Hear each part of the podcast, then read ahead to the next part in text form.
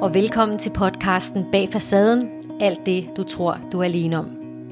Mit navn er Henriette Clayton, og jeg er specialist i personlig udvikling.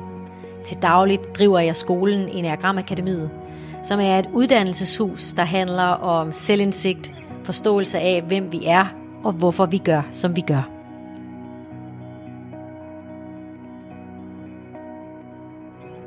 Hej kære lytter, og hjertelig velkommen til episode 10 af vores podcast Bag Facaden. Hvor er det dejligt, at du øh, lytter med igen i dag. Eller måske for første gang. Øh, uanset hvad, så er du super velkommen. Det er som altid øh, mig, Henriette, og Julia, vores producer, som øh, sidder klar her ved mikrofonerne, klar til at være sammen her øh, et lille stykke tid frem. Og øh, jeg har lyst til sådan måske lidt forsinket at sige glædelig genåbning. Øh, jeg ved selvfølgelig ikke, hvordan du har det med genåbning, men for mig har det betydet, at jeg har kunnet få lov til at gå ud og undervise igen, og det er det er jo som livseliksir for mig. Det er ikke alene det, jeg lever af, det er også det, jeg føler mig kaldet til. Så det har været fantastisk at slippe væk fra skærmen, slippe væk fra øh, hjemmestudiet og komme ud og være blandt rigtige mennesker. Jeg nyder også at høre børnene i skolegården, øh, børnene i børnehaven. Øh, jeg nyder, at i dag, da jeg gik hjem fra arbejde, så øh, øh, var der øh, mennesker, der sad på fortorvscaféer og drak øh, øl og øh, hvidvin og bare havde det dejligt sammen. Det, det gør mig virkelig glad. Men øh, Julia, hej. Hej. Hvordan, øh, hvordan har du det med genåbningen? Jamen, øh, jeg, har det, jeg, har det, jeg har det okay med genåbningen. Øhm, der hvor, hvor jeg egentlig synes, at øh, det sådan har gjort mig mest glad, det er sådan, at når jeg går tur, og jeg kan mærke den glade stemning. Ja. Øh, jeg kan simpelthen mærke, at stemningen lige er, er øh, steget med 10 hakker. Ja. Øhm, Sådan den kollektive stemning, eller hvad? ja, ja. Ja. Og nu, øh, nu, er jeg jo, nu bor jeg jo i en, øh, i en mindre provinsby. Ja. Og øh, der, er, der er altså virkelig sådan hyggesnak i gaderne om morgenen nu. Okay. Øh, de lokale erhvervsdrivende er simpelthen så snaksalige, når man er, når man er ude at gå, og Ja. vil gerne lige sådan slå en lille sludder af, og Ja. går og fløjter rundt om deres butikker. Og ja. simpelthen så hyggeligt. Ja. Ja. Så det, øh, det er dejligt. Altså der er jo, jeg hører jo også øhm, nogen, som er blevet lidt overvældet af den her genåbning.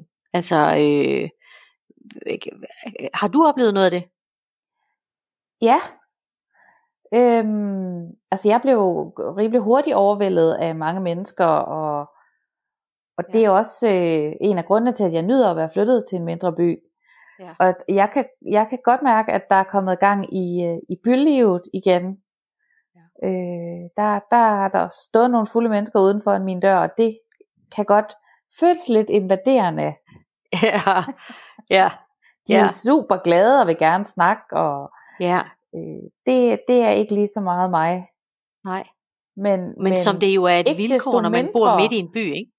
Det er det, og ikke desto mindre er det jo stadigvæk det er jo stadigvæk noget, som der gør mig glad at høre, at folk sidder udenfor og hygger sig. Ja. Og Ja.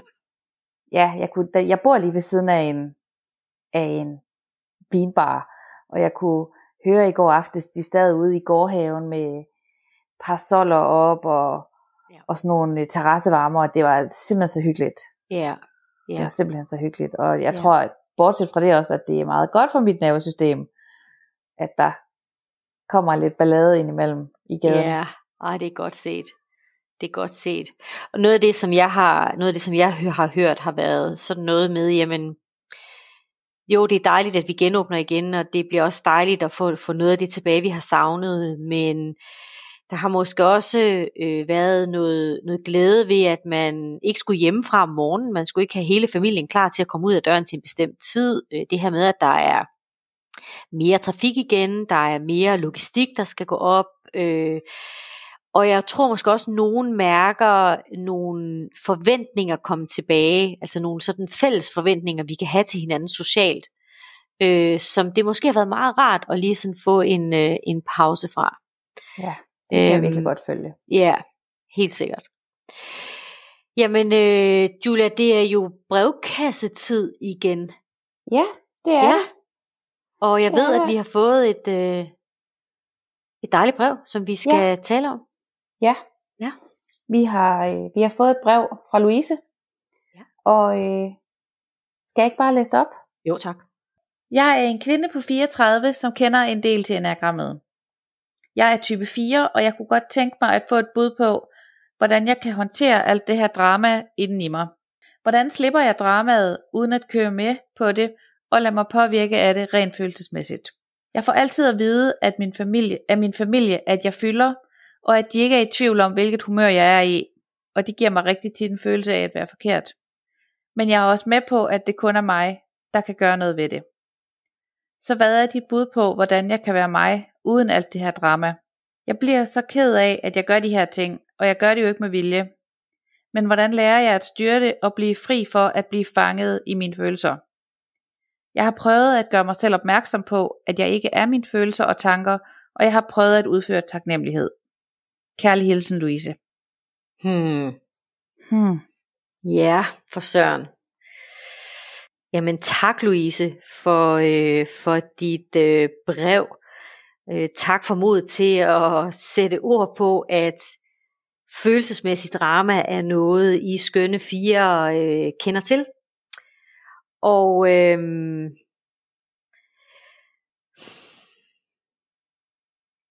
jeg har lyst til at måske starte med at sige til dig, at jeg tror ikke jeg eller nogen anden vil kunne lære dig at slippe af med øh, de her følelsesmæssige mønstre. Jeg tror ikke jeg eller nogen anden vil kunne sige til dig, nu slipper du bare dramaet, og du får her tre trin til at gøre det. Det tror jeg simpelthen ikke kan lade sig gøre, fordi følelser er så vigtig en del af os mennesker, inklusiv for jer skønne fire. Men det jeg tænker, vi kan lukke lidt op for, det er, hvordan, øh, hvordan du kan lære at stå bedre med dine følelser, stå bedre med de her følelsesmæssige bølger, når de kommer. Hvordan du kan øh, måske slippe overbevisningen om at være forkert, og i stedet for erstatte den med noget selvaccept. Det tror jeg godt, at vi kunne få en, øh, en snak om her øh, i løbet af den her episode. Fordi det at være en type i enagrammet, det at øh, være type 4, det er jo i virkeligheden, øh, når vi taler om typerne, så taler vi jo om vores menneskelige forsvarssystemer. Vi taler om idealbilledet af det menneske, vi tror, vi skal være. Og enagrammet og din enagramtype beskriver i virkeligheden kampen for at leve op til det, du tror, du skal være. Og for firene, der er det jo sådan, at firerne har et ideal af at være et skabende, rumligt, særligt, unikt menneske. Et menneske, som er farverigt og som på mange måder i virkeligheden beskriver vi menneskers enorme følelsesmæssige repertoire. Udfordringen er bare, at der er så meget mere til det at være menneske. Og når vi ikke vil inkludere det, så er det vores type begynder at stikke af med os. Når der er noget, vi tror, vi skal være, og der dermed er andet, vi forsøger at undgå, så stikker vores type af med os. Og det der jo er med firene, det er, at meget, meget tidligt i mit liv, har jeg lavet mig en overbevisning om, at et eller andet må være galt med mig, siden jeg oplever så mange stærke følelser. På en eller anden måde må jeg være forkert, siden at jeg, det føles som om, jeg ser verden anderledes end flertallet. Det første, jeg skal sige til dig, kære Fia, kære Louise, det er, at der er ikke noget galt med dig. Det er en gammel overbevisning, som jo føles som en sandhed. Sådan er det jo med vores overbevisninger. De føles jo som sandheder for os. En af de dybeste overbevisninger i firene handler om en overbevisning, som er blevet skabt meget tidligt i dit liv. Der handler om frygten for, at jeg er forkert. En overbevisning om, at jeg i hvert fald ikke er som de andre. En overbevisning om, at jeg måske ikke helt hører til. En overbevisning om, at jeg er forkert, at der er noget galt med mig. Og det er vigtigt for mig at sige til dig, Louise, at overbevisninger kan, nu, det kan nogle gange lyde, lyde lidt nonchalant, når vi siger til hinanden, det er bare en bevisning, du har, det er bare noget, du tror. Sådan skal det ikke lyde, fordi overbevisninger føles som sandheder. Det føles lige så sandt for en fire, at jeg føler mig forkert og udenfor, som, som det er sandt, at vi oplever, at himlen er blå. Den her følelse af forkerthed, den udspringer af en frygt for ikke at være særlig. En frygt for ikke at være unik. En frygt for ikke at kunne få lov til at skille mig ud. Og fordi vi har frygte, det har vi alle sammen, så har vi også nogle trigger. Og det vil sige, at når der er nogen, der siger til dig, for eksempel din familie, der siger til dig, man er aldrig i tvivl om, hvad humør du er i, så trigger det frygten i dig. Det trigger din frygt for, at du er forkert. Fordi det er i virkeligheden ikke det, din familie siger til dig. Det de siger til dig, det er, at de kan observere dine følelser. Men det, det trigger ind i dig, det er, at du er forkert. Og øh, et lille tip til, til det, sådan et lille, øh, øh, øh, sådan et lille starttip, kan være, at nogle gange for at passe på os selv, så kan det være nyttigt, at vi siger til vores omgivelser, til vores nærmeste, når du siger det der, så gør det mig ked af det. Jeg ved godt, at mine følelser stikker af med mig, og jeg kommer kun til at føle mig endnu mere dårligt tilpas, når du ligesom øh, øh, sætter spot på det og, og, og, og gentager over for mig, at nu fylder jeg for meget. Så det må vi gerne sige til vores, især vores nærmeste. Øh, det er jo en måde at passe på os selv, imens du stille og roligt lærer, hvordan håndterer jeg lige de her følelser. Fordi dine følelser, Louise, de vil altid være en del af dig. Sådan er det. Det kan jeg også læse, at du godt har luret. Du skriver blandt andet, at du prøver at sige til dig selv, jeg ved godt, jeg ikke er mine følelser. Jeg har følelser, men jeg er ikke følelser. Det er nemmere sagt end gjort, fordi hele din selvopfattelse er bygget omkring det at være et følende individ. Så det, det, det kræver noget lige at afidentificere dig med at være dine følelser. Øh, noget af det vi jo ved, når firene oplever trigger, øh, når firene oplever at komme under pres, som vi siger, så ved vi, at der kan ske flere ting. Enten sker der det, at det følelsesmæssige drama tager over, eller der kan ske det, at jeg får en oplevelse af, at jeg måske bliver forladt øh, af min nærmeste, af de mennesker, der er vigtige for mig. Og så kan der også ske det, at jeg i virkeligheden bruger mine følelser til at trykke lidt på mine omgivelser. Altså trykke på mine omgivelser, fordi jeg har en oplevelse af ikke at være blevet set eller hørt. Og det er de strategier, som du kan, med fordel kan lære, Louise, at du ikke behøver at bruge. Altså det er det handlemønster, du har, når du oplever, at dine følelser tager over. Når du oplever, at der er nogen, der siger til dig, man er ikke i tvivl om dine følelser, der er nogen, der siger til dig, jeg fylder for meget, eller på anden vis, at du føler, at du bliver overvældet indefra. Når vi bliver trigget på den måde, når vores følelser trigger os, eller vores tankemønstre trigger os, så er der et automønster, der tager over. Og det er blandt andet, at jeg laver drama som fire, at jeg skubber til mine omgivelser med mine følelser, at jeg bliver udadreagerende, at jeg bliver meget ked af det, og måske øh, sådan trækker mig helt tilbage fra verden. Det du skal vide, Louise, det er, at du kan godt vælge at gøre noget andet. Jeg siger ikke, det er nemt, men hvis nu du forestiller dig, at der er jo en udviklingsvej for jer fine, fine fire.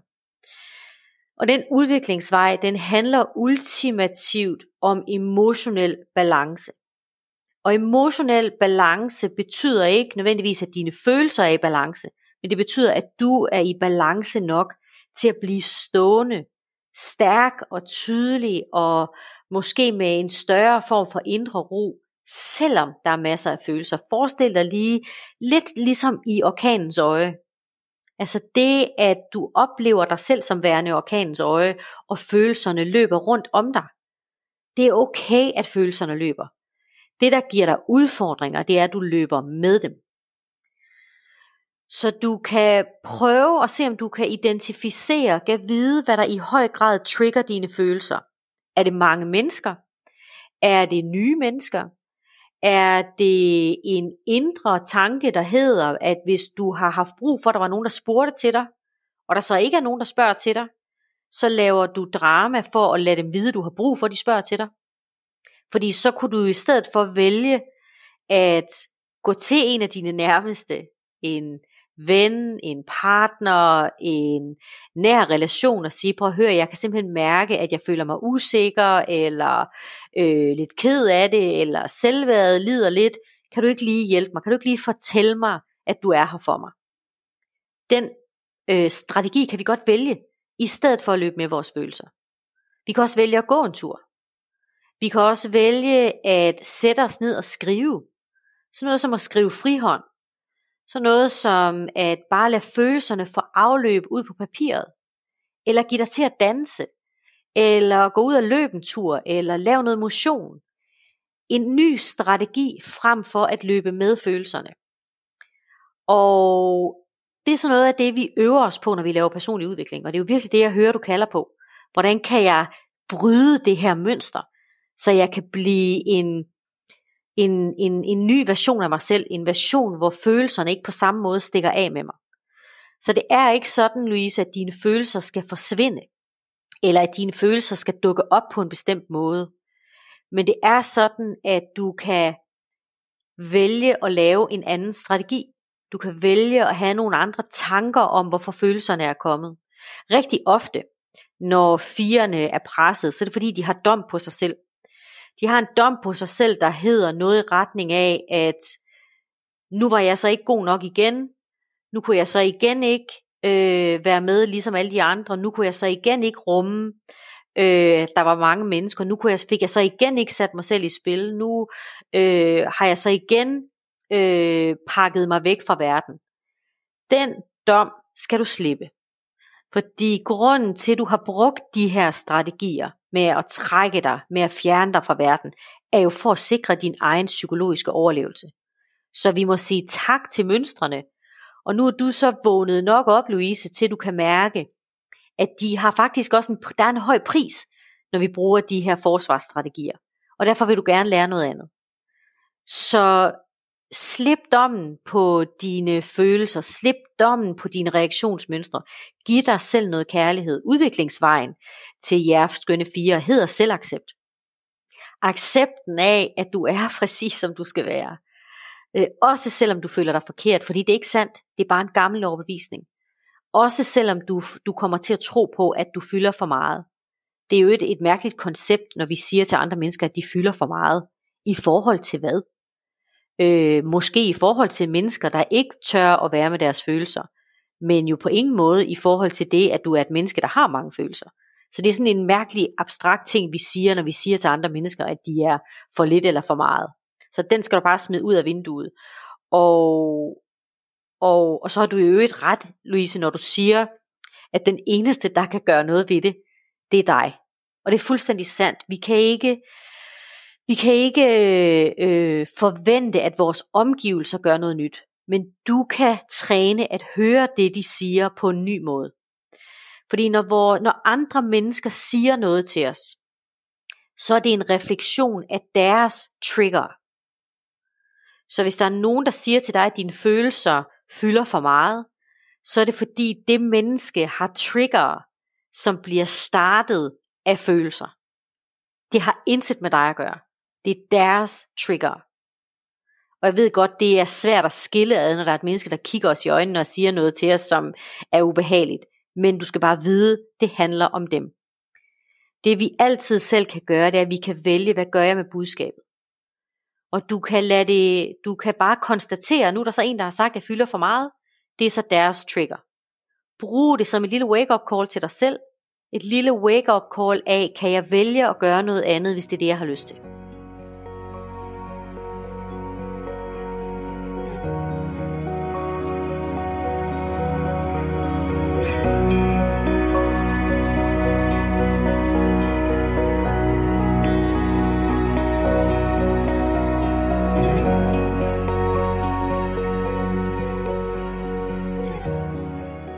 Jeg går videre og øh, kommer med sådan måske et par mere konkrete råd til dig, Louise. Vi skal nemlig tale om, hvordan firerne kan hente noget inspiration fra type 1. Det vil jeg rigtig gerne lige give dig med.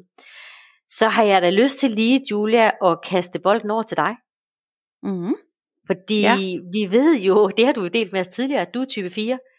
Ja. Så jeg tænker, der må være noget af det her, der sådan også på en eller anden måde resonerer hos dig, eller skaber genkendelse, eller... Ja, for søren. Jamen, altså, jeg kunne jo have skrevet hele det brev selv. det. Ja. yeah.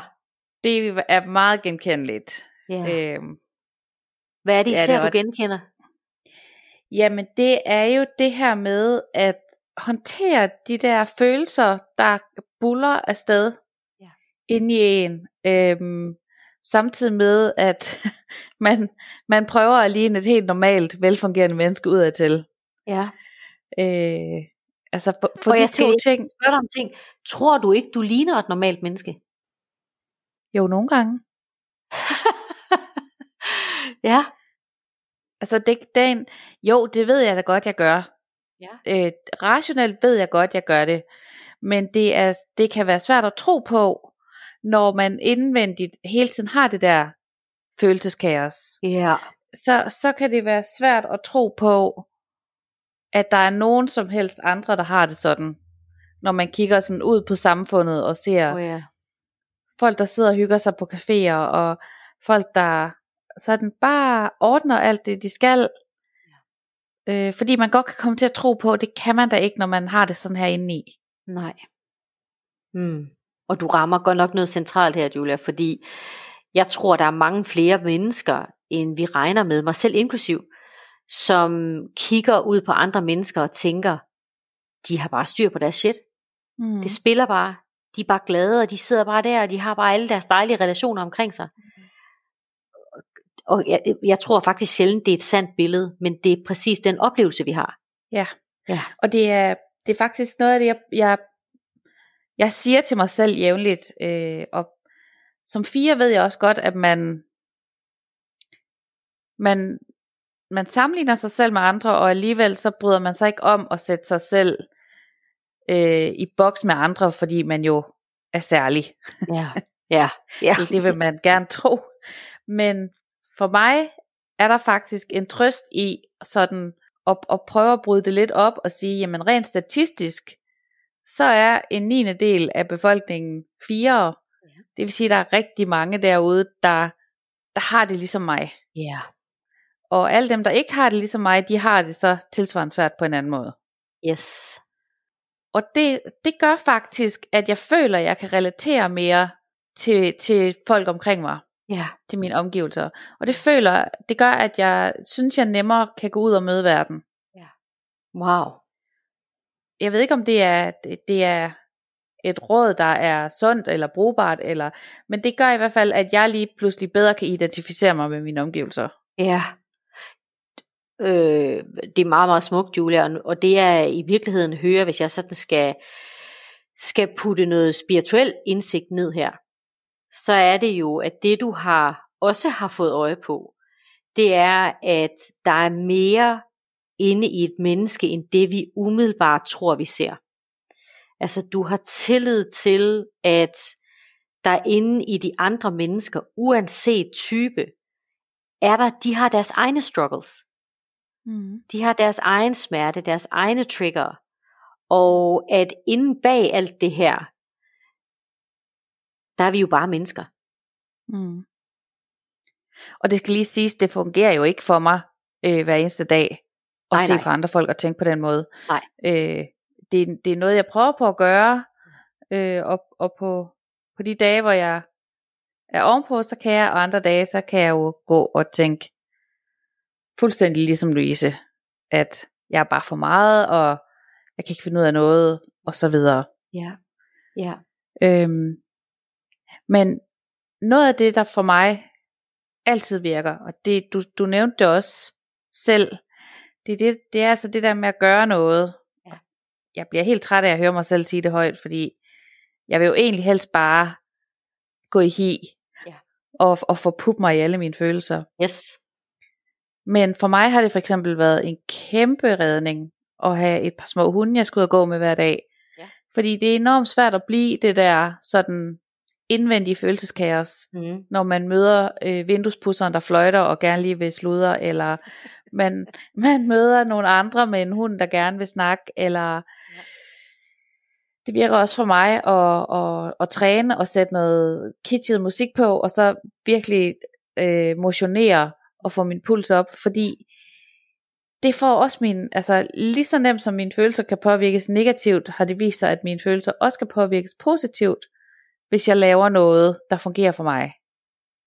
Ej, hvor lækkert. Øh, og selvom at, at jeg altid har modstand på at gøre noget, der kan trække mig i positiv retning, øh, så virker det bare altid at gøre det. Ja, ej hvor er det fedt, Julia. Hvor er det fedt. Og prøv at høre her. Igen, fra et spirituelt perspektiv vil vi sige, at når du begynder at involvere din kropslige velvære, Mm. så er der langt mere plads. Spirituel plads, indvendig plads, bevidsthedsmæssig plads, til at kunne håndtere den der lille kugle eller bølge af følelser, der måske strømmer ind.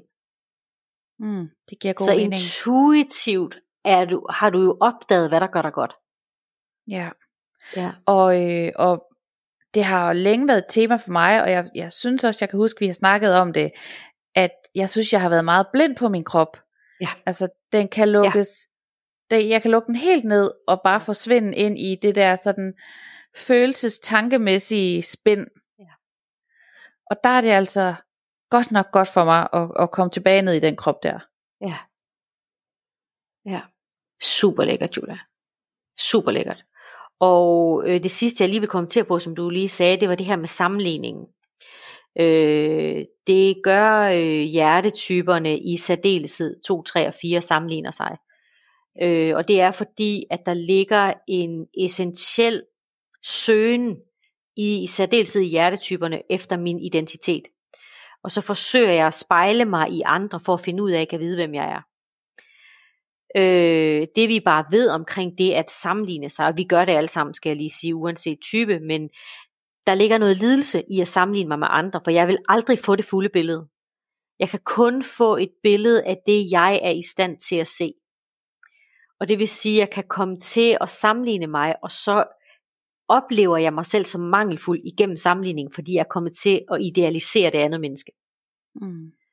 Og øh, øh, Louise, du er fuldstændig på sporet af at gøre noget godt, nemlig taknemmelighed. Fordi taknemmelighed er antidoten til sammenligning. Altså taknemmelighed for den du er. Øh, ikke taknemmelighed for øh, nødvendigvis det, der foregår omkring dig, men taknemmelighed for den du er. For det du ved om dig selv, for det du kan se af dig selv, der hvor du er i livet i dag.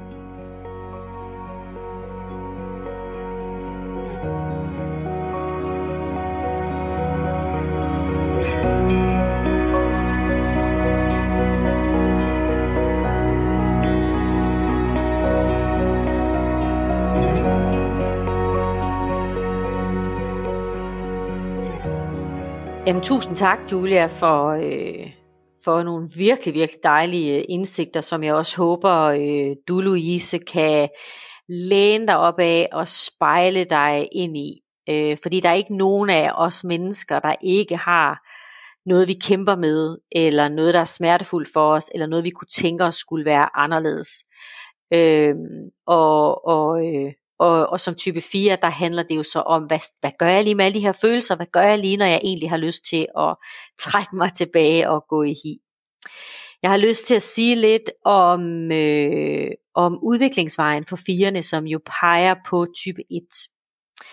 Og det peger på faktisk noget af det, som du var inde på, Julia, nemlig at lave noget kropslig, noget genforening med min krop. Altså bruge min krop øh, helt bevidst. Om det er igen med at gå ture, løbe, danse, lave motion, øh, øh, øh, gå til kropsterapi, men at, at genforene mig i langt højere grad med min krop, fordi vores krop er jo en intelligens i sig selv, som blandt andet rummer handlekraft, som blandt andet rummer øh, altså vores, man kan næsten sige vores, vores, øh, vores sjælige hjem. Altså vi har simpelthen brug for at mærke den tryghed, kroppen giver os ved at vi er med den og er i den, fordi så har vi altså plads til alt det, vi, vi går med, alle vores oplevelser og følelser i livet. Og den anden ting er, at den strategi, der hedder, du har lyst til at trække dig, den skal du øh, lave om til at gøre noget andet. Noget andet end at trække dig noget, du skal gøre i stedet for. Julia gav eksemplet med at gå ud med hundene, for eksempel. Øh, at træne, for eksempel. Og det at kunne omsætte den strategi, altså at kunne gøre noget andet end at trække dig, kræver disciplin. Og disciplin er en af de dyder, sund, god disciplin er en af de dyder, som du kan lære fra type 1. Fordi type 1 øh, har en, en lidt anden måde. De har rigeligt med, med, med trigger selv, men de har en lidt anden måde at, øh, at holde fast i deres, hvad kan man sige, øh, integritet på. Forstået på den måde, at etterne bruger blandt andet deres disciplin til at gøre det, som de lover. Altså bruger deres disciplin til, at selvom i dag føles som en hård dag, selvom jeg i dag øh, kan mærke, at jeg er lidt mere trist, end jeg plejer, selvom jeg i dag kan mærke, at jeg synes, at øh, jeg har lidt mere ondt i hovedet, end jeg plejer at gøre, plejer at have, så gør jeg alligevel det, jeg har sagt, jeg gør. Jeg har forpligtet mig til et eller andet, og det gør jeg alligevel. Og, og at få den implementeret som fire er en rigtig god træning. En træning er det der med at have din egen ryg. At når der er noget, du gerne vil, øh, det kan være øh, mennesker, du gerne vil se, det kan være øh, øh, noget sport, du gerne vil i gang med, det kan være, øh, du gerne vil ud og have en kæreste, det kan være, du gerne vil have en ny bolig, whatever det nu kan være. Find selvrespekten og selvaccepten, selvkærligheden nok til at gøre det, du mærker et kald på. Øh, det, du har committet dig til. Fordi som Julia hun sagde, det kommer til at give dig en masse positive følelser i retur. Det kommer til at give dig følelsen af, at du rent faktisk er en del af den her verden. Ikke en observatør af den, men en ligeværdig del af den. Og øh, kroppen er jo blandt andet, hvad kan man sige, den, øh, den del af os, der er med til at fortælle os, hvad vi har lyst til, hvad vi ikke har lyst til, hvad vi har brug for, hvad vi ikke har brug for. Ikke hvad vi tror, vi har brug for, men hvad vi reelt har brug for. Så der er noget med disciplin, der er noget med selvaccept, der er noget med integritet, der er noget med det her med at øh, være tro mod dig selv. Ikke mod dine følelser, men tro mod dig selv og det liv, du egentlig gerne vil leve. Og øh, er der noget, du har lyst til at tilføje, Julia, i, øh, i den her snak om firene og om, om Louise? Øh, ikke så meget at tilføje, men jeg har måske lige et spørgsmål.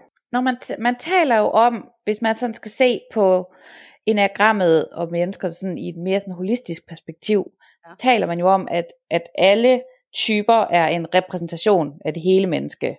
Ja, det er rigtigt. Øhm, og der taler man om, hvad kan man lære ud fra de forskellige typer. Yes. kunne du måske dele med os, hvad man så kunne lære af type 4? Ja, for søren. Fedt spørgsmål, mand. Øhm, jamen ja, det er fuldstændig sandt, at når vi taler om enagrammet, så taler vi om, at alle typerne indeholder en del af det at være et helt menneske. Der er øh, øh, både dyder, altså øh, højere kompetencer, og frygte, som vi kender fra alle typerne. Der er så bare en, der har sådan ligesom taget førersædet, og det er det, vi kalder vores type. Noget af det, vi alle sammen kan lære af firene, det er at sætte os i forbindelse med den der indre kreativitet. Altså den der kreativitet, der udspringer samme sted fra, som vores identitet, vores autentiske jeg, vores vitalitet, vores livskraft i virkeligheden. I, øh, i det, der hedder Holy Ideas i enagrammet, der siger vi jo, at firenes holy idea, og det betyder altså, at firenes øh, øh, ypperste potentiale er det, der hedder holy origin. Og holy origin betyder i virkeligheden, at det at være et følende menneske har sit udspring i skabelsen af firene. Det at være et menneske i tæt kontakt med sin følelsesmæssige energi, sin følelsesmæssige øh, struktur, øh, sit følelse, sin følelsesmæssige intelligens er udsprunget af jer fire. Og som fire, der er I bare så tæt på kilden, at den fra tid til anden simpelthen overvælder jer. Det, det er ligesom om, den, den, den udspringer ind i jer. Og det at kunne stå med de her følelser, at kunne rumme dem, det er jo det, der gør, at vi kommer til at forstå livets facetter så meget dybere, end vi normalvis gør, når vi taler om følelser. Så taler vi om, er du glad eller sur i dag? Eller er du trist? Eller hvis vi rigtig strækker os, så kan vi også tale om at være melankolske. Men det følelsesmæssige liv er jo, er jo hvad kan man sige, øh, altså kreativiteten er jo følelsernes sprog. Hvis vi skal forstå, hvad det i virkeligheden er for en enorm størrelse, vi mennesker indeholder, så skal vi lære det følelsesmæssige sprog at kende. Og det er i min optik fiernes invitation til os. At ture danse med følelserne. At ture og mærke dem. At ture at skabe noget ud fra dem. Fordi alle jer fire, når I skaber noget, hvad enten det er smykker, I laver selv, eller tegninger, eller perleplader, eller øh, kort, I laver selv, eller øh, I dekorerer eller indretter, hver evig eneste gang I gør det, så er det en måde, at I viser os et lille afsnit af jeres indre liv. Det kan vi kun blive inspireret af. Og vi kan kun blive inspireret af at dykke ned i den form for liv i os selv. Øhm, jeg har i mange år haft mange fire i mit liv. Øh, ikke noget, jeg sådan var bevidst om, før det gik op for mig. Hold da op, der er mange fire her.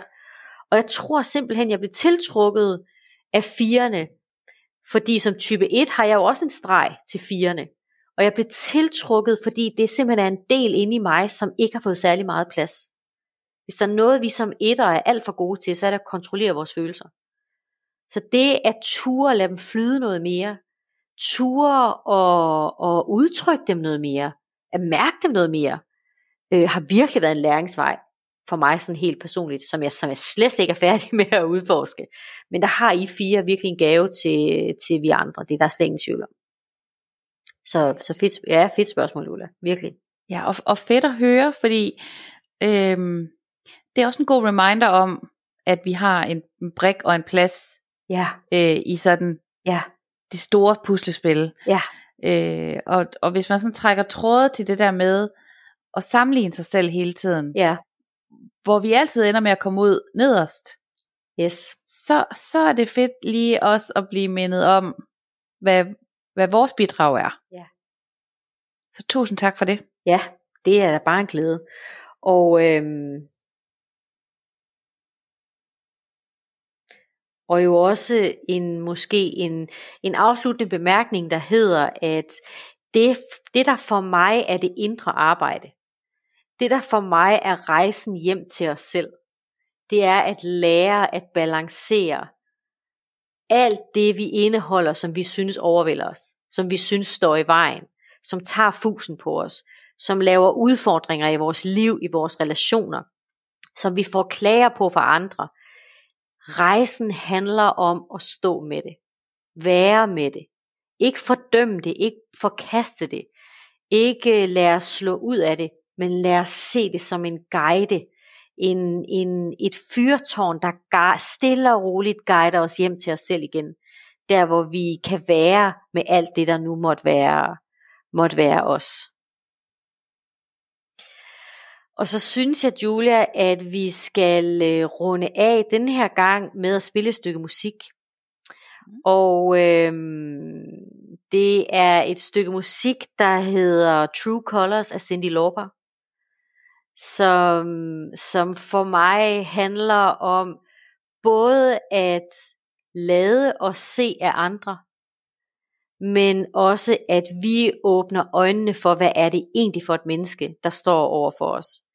Ikke bare en, et menneske med mange følelser, ikke bare et menneske som etterne med masser af perfektionisme, ikke bare en, en toer, som ønsker at hjælpe. Hvem er det egentlig, der står der, hvis vi tør se hele paletten? Så øh, med de ord, øh, Julia, tusind tak for dine fantastiske indspark øh, i dag.